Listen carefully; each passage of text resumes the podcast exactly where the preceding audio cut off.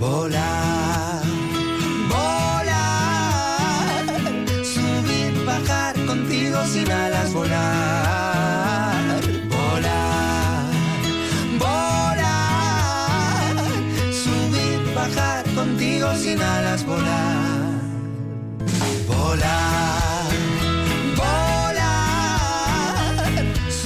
Bueno, pues la canción lo indica, vamos a, a volar y vamos a hacernos eh, ciertas preguntas alrededor de volar y alrededor de los aviones. Porque hay una pregunta encima de la mesa, Roberto Flores. Eh, ¿Cómo miden los aviones la altura a la que vuelan? Sí, eh, sí, ¿Cuántas sí. veces te lo has preguntado tú cuando estás volando, eh? Yo la verdad es que como mi horizonte intelectual es bastante corto, tampoco creas. Yo me monto en el Es avión pequeño, y, y me dejo llevar y ya está. Porque como empieza a pensar, me empieza a entrar la neura y ya ni te cuento. Pero qué sensaciones, ¿no? Con- Cuando vas volando, ¿no? La clave no es lo rápido que vuelas, sino cómo vuelas rápido. Puedes volar mucho más alto de lo que crees. ¡Impresionante! Bajar contigo sin alas, volar. Bueno, tú eres de los Qué que sueñas. Sí, sí, la verdad es que soy bastante soñador. Sí, sí.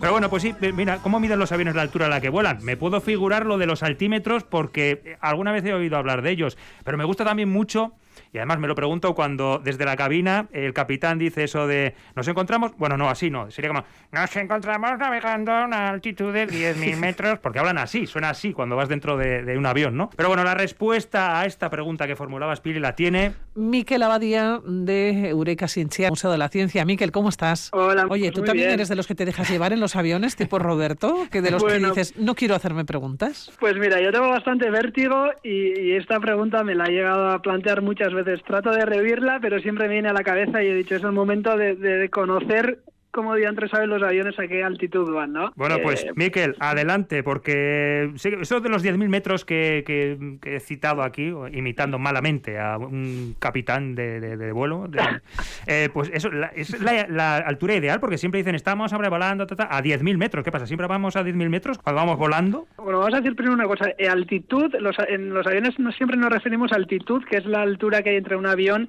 y el nivel del mar. Altura se dice cuando es eh, la distancia entre un avión y la superficie terrestre. Entonces, quizás lo utilicemos sin querer muchas veces como altura, pero bueno, deberíamos de decir altitud. Yo me incluyo, porque seguramente diré altura varias veces. Pero sí, volamos a 10 kilómetros porque básicamente le- la cantidad de aire que hay es mucho menor, que ya lo veremos un poco más tarde, y entonces esto permite que el consumo eh, de queroseno en este caso sea mucho menor, ¿no? Es mucho más eficiente volar a 10 kilómetros de altura. Pero de todas formas hay que saber muy bien a qué altura estamos, porque 10.000 kilómetros parece mucho, pero si comparamos eh, con el Monte Everest, que casi llega a, a medir 9 kilómetros, pues ya no parece tanto, ¿no? Ostras, es verdad, claro, estamos a eh, 10 kilómetros, 8 kil- casi 9 kilómetros. O sea, es que tampoco hay tanta, tanta distancia como sobrevueles el Everest. Si, si fallamos por unos pocos kilómetros podemos tener problemas. Si la afluencia de aviones cada vez es más grande, entonces los diferentes aviones se tienen que posicionar a una altitud diferente. Pero Miquel, ¿cómo sabe? ¿Cómo sabe que el, capitán que va volando a 10.000 metros? ¿Cómo lo sabe? es. Pues eh, mira, hay diferentes sistemas de medición y se utilizan todos para, para complementarse entre ellos, pero el más conocido es, eh, y el que más se utiliza es el altímetro de presión. Ah. Entonces, eh, el altímetro de presión se eh, utiliza básicamente la presión atmosférica que hay alrededor del avión o el cambio de la presión atmosférica para saber a qué altitud está. Entonces, para entender un poco esto, primero hay que entender que un avión, como todos sabemos, viaja por el aire y el aire es un gas, es un fluido, es un fluido gaseoso, como, si, como el mar es un fluido líquido lleno de agua, pues el, el aire es un fluido de gas. Está co- eh, compuesto por moléculas muy pequeñas, como oxígeno y nitrógeno en su mayoría, y estas eh, moléculas pues tienen masa y debido a la fuerza de la gravedad de la Tierra, pues eh, adquieren un peso, ¿no? Y es este peso lo que genera la presión atmosférica. Nosotros cuando andamos eh, tenemos, tenemos que imaginar que tenemos sobre nosotros una gran cantidad de, de aire que ejerce una presión sobre nosotros también. Claro, por eso si nos ponemos a saltar y hubiese menos presión en el aire, podríamos Pues- volar. Exactamente, nos podríamos elevar mucho y si la gravedad fuese menor, pues incluso más, ¿no? Como para tener Entonces- vértigo, Miquel. Nada, no vamos a pensar en volar, ¿eh? Exactamente, exactamente. Entonces aquí el truco está en que la presión atmosférica decrece a medida que nos alejamos de la superficie terrestre. Vale. Esto es básicamente porque la densidad que- de aire que hay es menor, la cantidad de moléculas de aire que hay eh, a medida que nos elevamos es menor. Bueno, aquí alguien se puede preguntar, algún listillo que seguro que habrá y, y lo hace bien, porque lo que ocurre también es eh, cuando nos ascendemos en la altura, nos elevamos, eh, la temperatura baja también. Y hay que tener en cuenta que ah, cuando la temperatura baja, un gas se tiende a comprimir, tiende a aumentar su densidad, porque tiene menos energía para moverse, está más frío, entonces se aglomera de alguna forma. Entonces alguien puede decir, pero si subimos hacia arriba hay menos densidad porque hay menos moléculas de gas, pero al estar más frío hay más densidad. Entonces, ¿Qué ocurre aquí? Bueno, eh, esto es nada, una anecdotilla. Básicamente eh, prevalece muchísimo más el hecho de que haya muchas menos moléculas y haya mucha menos presión por eso. Vale, o sea que, Miquel, tenemos eh, la presión atmosférica que varía cuanto más alto estemos y también la temperatura, ¿no? maneras de medir, ¿no? Oye, ¿algún ejemplo tienes de, cómo funciona así, que, pues para, ilustrarlo? Mira, es un ejemplo que cualquiera, de hecho, que, se vaya a montar en un avión puede probarlo. Eh, para saber eh, por yo qué ni me muevo en el avión, no pruebo nada. yo cuando hay, una sacudida... Y cuando, dicen, cuando llegan turbulencias, o sea, es la palabra pues yo creo que más odiada, ¿eh? Yo me voy al baño, me encierro en el baño. yo os voy a dar dos ejemplos y, y utilizáis el que queráis si os atrevéis. Mira, uno es, si inflamos un globo, eh, antes de subir a un avión, el globo cogerá una, eh, una forma dada pues en función del aire que le metamos a ese globo, ¿no? Si con ese globo hinchado que, digamos, ascendemos a 10.000 kilómetros, veremos que este globo se expande. Ajá. A 10.000 metros. Subimos a 10.000 metros y se expande, ¿no?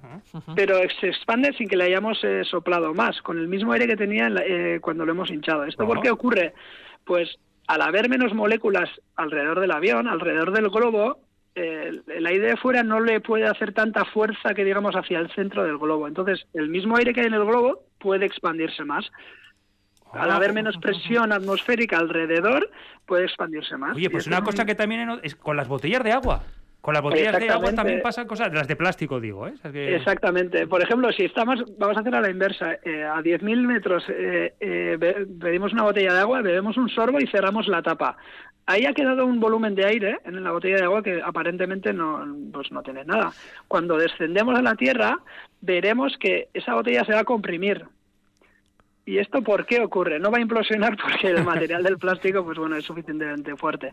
Pero se, eh, eh, se comprime porque la presión del aire al que está sujeto en la Tierra es mayor que el que tenía en el avión, por lo que ese aire lo va, lo va a empujar hacia adentro y va a conseguir comprimir la botella. Y es una medida muy directa de, realmente ver que la presión atmosférica es mucho menor a grandes altitudes. Bueno, Miquel, entonces el primer trabajo que tenemos que hacer cuando podamos volar es pedir un botellín de agua arriba.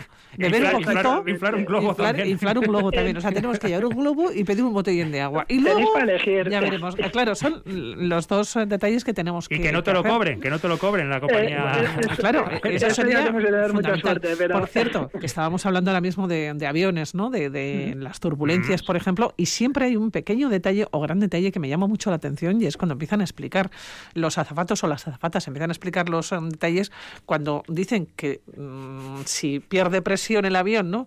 Caerán las, mascarillas, efectivamente, que te las pones. Y la última frase es, y siga respirando con normalidad, o sea, con normalidad después del infarto que ha dado al 75-85% Los que no hayan hiperventilado que van, que van, en el avión. Porque claro, cuando es que es algo que me llama muchísimo la atención. No se preocupen. Esto se abrirá, se caerá, se lo ponen y sigan respirando con normalidad. Pero ¿sabes, con lo, normalidad. ¿sabes lo que hago yo? Pero qué normalidad pues Tú, fíjate, por ejemplo, si eh, las azafatas o el personal de vuelo pasa algo así y se muestra tranquilo, no pasa nada. Si están alterados, yo ya no sé qué hacer. Entonces ahí sí es donde puedes a mí tener lo de problemas. esperando con normalidad es algo que de verdad bueno, y además, que me siempre lo mucho mejor es dormirse al subir al avión y despertarse. Y sí, es la palabra turbulencia, que es una pesadilla, que no pasa nada. ¿Quién la inventaría, madre mía? Oye, eh, pero, mira, todo, esto está, todo, todo, esto está relacionado también de nuevo con la presión. Cuando subimos a 10.000 metros, fuera del avión tenemos un 20%, 25% de la atmósfera que tenemos en la superficie terrestre. Entonces, si el avión no fuese presurizado, el avión lo que le hacen es meterle aire para que tengamos presión, si no nos ahogaríamos al momento. Y la presión que tenemos dentro de un avión eh, equivale a una altitud de 2.700 metros en la Tierra. Si subimos a un monte de 2.700 eh, metros, pues esa presión de aire, que es un pelín menor, es el que tenemos dentro de un avión. Oye, la importancia, la importancia de la presión, porque esto, esto lo vi en un capítulo de House, ¿eh? alguien que había hecho, había hecho buceo el día anterior, cogió el vuelo y claro, se empezó a sentir muy indispuesto, porque claro, la presión es muy diferente bajo el agua, tiene que pasar no sé cuánto tiempo, 48 horas o para que el cuerpo se aclimate y luego poder eh, llegar a esas altas presiones, ¿no? O, presiones más bajas dependiendo de si estás arriba o si estás abajo, ¿no?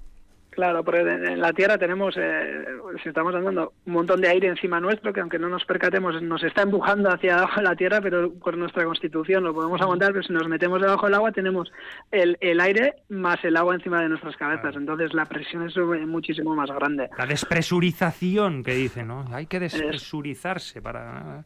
Hay que, hay que andar con mucho cuidado con todo esto. y un avión al final eh, el altímetro de presión del avión es, así como funciona. Es como el globo, que el ejemplo del globo que hemos explicado. Tiene una pequeña cámara con, con, eh, con aire dentro sellado, que digamos, y luego tiene otra cámara externa conectada por un tubo al exterior del avión. Entonces, en función de la posición que esté el avión, pues la cámara interna se expanderá o se contraerá y mediante unos engranajes eh, podremos traducir ese cambio de presión en cambio en la, altitud del avión. Bueno, pues tenemos muchos deberes que hacer. primero coger un avión, primero poder ir con un avión y luego después todos los deberes que nos ha puesto Miquel. Pero aunque sea así brevísimo, yo creo que solamente con el altímetro de presión vale o tiene que tener algún otro sistema. No, pues mira, también tiene que tener más sistemas, básicamente porque la presión eh, eh, alrededor de la Tierra del aire no es estática, no es algo continuo y que podamos predecir. Tenemos cambios, eh, bueno, cambios climáticos o, fenómenos meteorológicos como los anticiclones que generan puntos de alta presión, borrascas que generan puntos de baja presión. Entonces, los altímetros de presión son los que más se utilizan, pero hay que complementarlos. Y, dos formas relativamente intuitivas son eh, de entender son los altímetros de radio, que básicamente lo que hacen es disparar una onda de radio a la superficie y ver cuánto tiempo tarda en rebotar en la Tierra y volver al avión. Porque al final las ondas de radio viajan a la velocidad de la luz, que son eh, pues 3 millones de kilómetros por segundo. Entonces, a una velocidad, en fracciones de segundo tenemos la onda de vuelta. Entonces, pues esto se le puede añadir a la medida del altímetro de presión para tener más precisión. Y, GPS tendrá, ¿no? Si tienen hasta los coches tendrá GPS, digo yo. Eso es. También ah. podemos utilizar el posicionamiento mediante satélites que están en el espacio.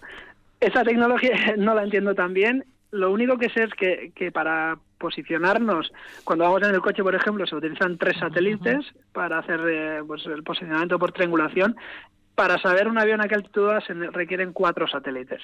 No me digáis cómo, cómo calcula la altitud del avión, pero se requieren cuatro satélites. Entonces, con todos estos instrumentos, un avión puede saber con gran exactitud a qué altitud está volando y no tener ningún percance a lo largo del vuelo, que es lo más importante. ¿Qué es lo más importante? No tener percance. Luego los demás, el resto de las preguntas, pues bueno, habrá... que no pidas, ¿hay, ¿hay, algún médico entre el pasaje? vale. ¿Hay algún piloto entre el pasaje? eso ya sería el eh, terrible. el copón.